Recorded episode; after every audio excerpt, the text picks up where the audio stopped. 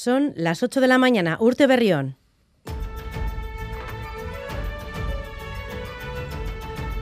Crónica de Euskadi con Irache Martínez.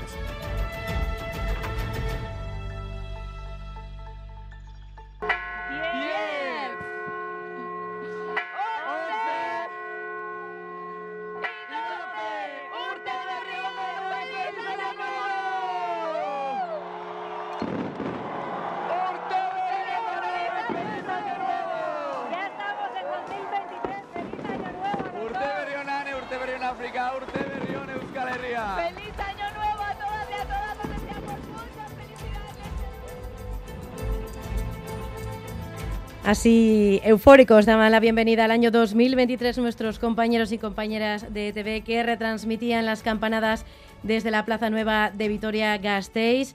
Así comenzábamos el año, pero la comunidad cristiana lo despedía con tristeza tras conocerse la muerte del Papa emérito Benedicto XVI. A última hora de la tarde de ayer conocíamos el testamento espiritual de Joseph Ratzinger, realizado en 2006, en el que pide perdón a todas las personas que hayan podido sentirse agraviadas con sus acciones y palabras.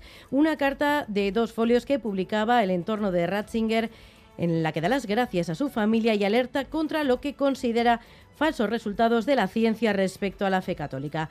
En la tarde de ayer, el Papa Francisco, que ya tenía prevista una homilía por Ratzinger antes de su fallecimiento y quien será además quien oficie, eh, su funeral, le dedicaba unas palabras durante la celebración de la misa. Dijo que solo Dios conoce el valor y la fuerza de sus sacrificios.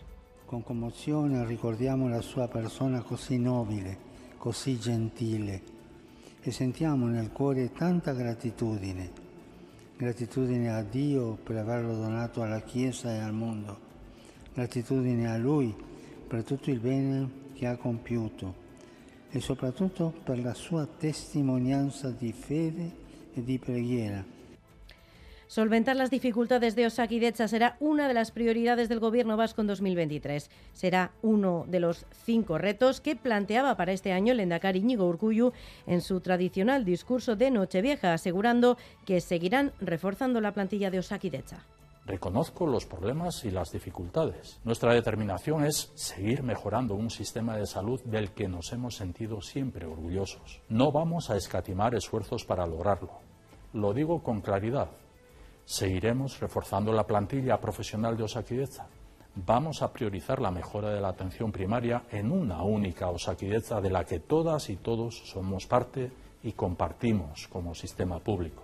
Desde el PNV, Joseba Aguibar valoraba el anuncio de refuerzo de Osakidecha, mientras Nerea Cortajarena de Euskal Herria Bildu planteaba la grave crisis que vive la sanidad vasca.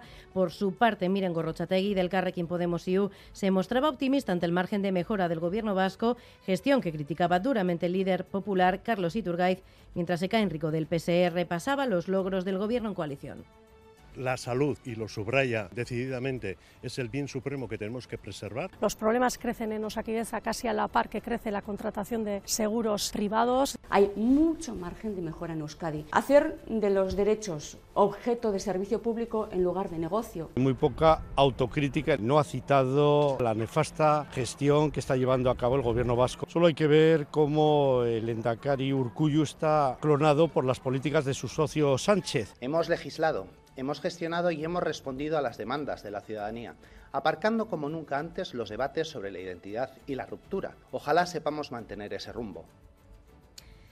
Y hoy, día 1 de enero, entra en vigor la bajada del IVA anunciado por el gobierno de Sánchez. Recordamos que se ha suprimido durante seis meses el IVA del 4% que se aplica a todos los alimentos de primera necesidad y ha rebajado del 10 al 5% otros para abaratar su coste a los consumidores de todo el Estado. Desde hoy no se pagará IVA en pan, harinas, panificables, leche, queso, huevos, frutas, verduras, hortalizas, legumbres, patatas y cereales. Para aceites y pasta, en cambio, el tipo impositivo, como decimos, baja del 10 hasta el 5%. Y tengan en cuenta también que desde hoy el descuento de 20 céntimos no se aplicará a conductores particulares por la gasolina y se reducirá a determinados sectores. Enseguida entramos de lleno en estos asuntos. Vamos ya con los deportes. John Zubieta, Egunon. Hola, Egunon. La Real Sociedad se hizo con el triunfo ante Osasuna en el encuentro disputado ayer en el Real Arena. Bryce Méndez abrió el marcador a los 22 minutos y Sorrot puso el definitivo 2-0 en la segunda parte en un encuentro dominado con claridad por parte de Churi Urdín y en el que Oyarzábal disfrutó de minutos nueve meses y medio después de su lesión.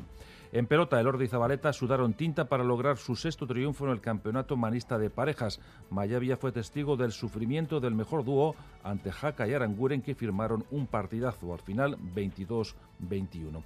Asimismo, esta tarde en el Astelena de Ibar vamos a coger, o se va a coger el partido entre Lasso Imaz ante Ezcurdia y Martija. Y por último, en ciclocross, Johnny Zaguirre se proclamó campeón de Euskadi en el circuito de Tolosa, mientras que Olach Odriozola se impuso en féminas.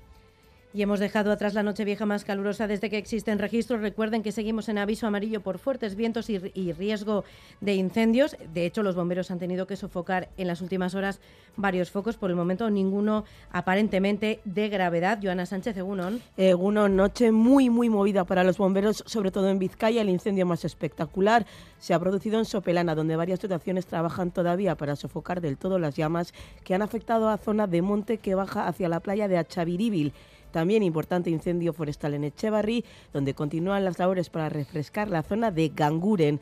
No han sido los únicos fuegos desatados esta noche y es que los avisos han sido continuos. Han ardido matorrales en la zona del Elguero, en Trapagarán, en Amechaspi, Munguía también en Baracaldo, Ortuellar, Ciervana, Portugalete y en la calzada en Balmaseda. Altas temperaturas, viento y pirotecnia, combinación peligrosa que se ha hecho notar esta noche vieja y es que también han ardido contenedores en Guecho, Galdaca, Sestao y Portugalete. Además, se ha incendiado el tejado de una vivienda en la zona de Zabala en Guecho y un coche en Basauri. Recordamos que el aviso amarillo por fuertes vientos, tanto en costa como en el interior de Vizcaya y Guipúzcoa, se mantiene hasta las 6 de la tarde. Tenemos ahora mismo 18 grados en Bayona, 16 en Bilbao y Donostia, 11 grados en Pamplona y 10 grados en Vitoria-Gasteiz. Vamos a ver qué tiempo nos espera para las próximas horas. Euskalmet, Nayera Barredo, Egunon. En comenzamos el año sin grandes cambios en el tiempo y es que hoy también el viento del sur nos va a dejar unas temperaturas muy templadas, similares a las de ayer, especialmente en la vertiente cantábrica, donde volveremos a rondar o superar los 20 grados. En el cielo tendremos nubes medias y altas que permitirán que a ratos el ambiente sea soleado. En cuanto al viento, se dejará notar sobre todo eh, en las horas centrales del día y primeras horas de la tarde, aunque eh, bueno, en principio predominará durante toda la jornada últimas horas, eso sí, la cercanía de un frente hará que el viento comience a girar a oeste.